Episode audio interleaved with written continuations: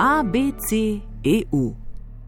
Pozdravljeni v sedmi oddaji, ki bi jo lahko poimenovali dešifriranje birokratsko-žargonskega poimenovanja procesov v Evropski uniji, a bi bilo to naporno poslušati in zato, voilà, ABC.eu danes.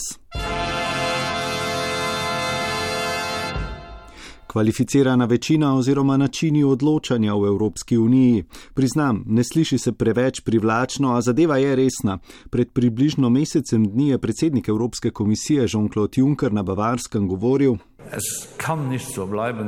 dass wir in Sachen Außen- und Verteidigungspolitik immer einstimmig beschließen müssen. Namreč, da je treba razmisliti o spremembah načina glasovanja, saj da nimo na področju zunanje in varnostne politike nujnost doseganja soglasja onemogoča doseganje globalnih evropskih ciljev.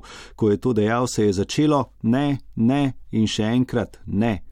Skupna zunanja in varnostna politika sta področji, kjer države odločajo s soglasjem in si očitno ne zaupajo dovolj, da bi odločanje poenostavile. Podobno je na področju obdavčenja. Prvi poskusi, da bi to spremenili, so se sicer že začeli, tako je tudi na področju socialne varnosti, pa da nimo širitve Evropske unije. Standardni postopek odločanja v Evropski uniji je sicer doseganje kvalificirane večine. To vam bo predstavila Špela Novak.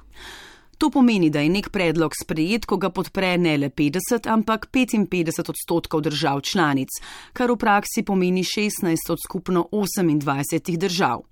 Obenem pa mora veljati tudi to, da predlog podprejo tiste države članice, v katerih živi najmanj 65 odstotkov celotnega prebivalstva Evropske unije.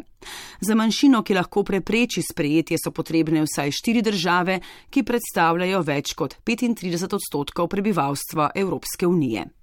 Približno 80 odstotkov evropske zakonodaje je dan današnji sprejetih s tako dvojno kvalificirano večino kvalificirano dovolj povedanega, se slišimo.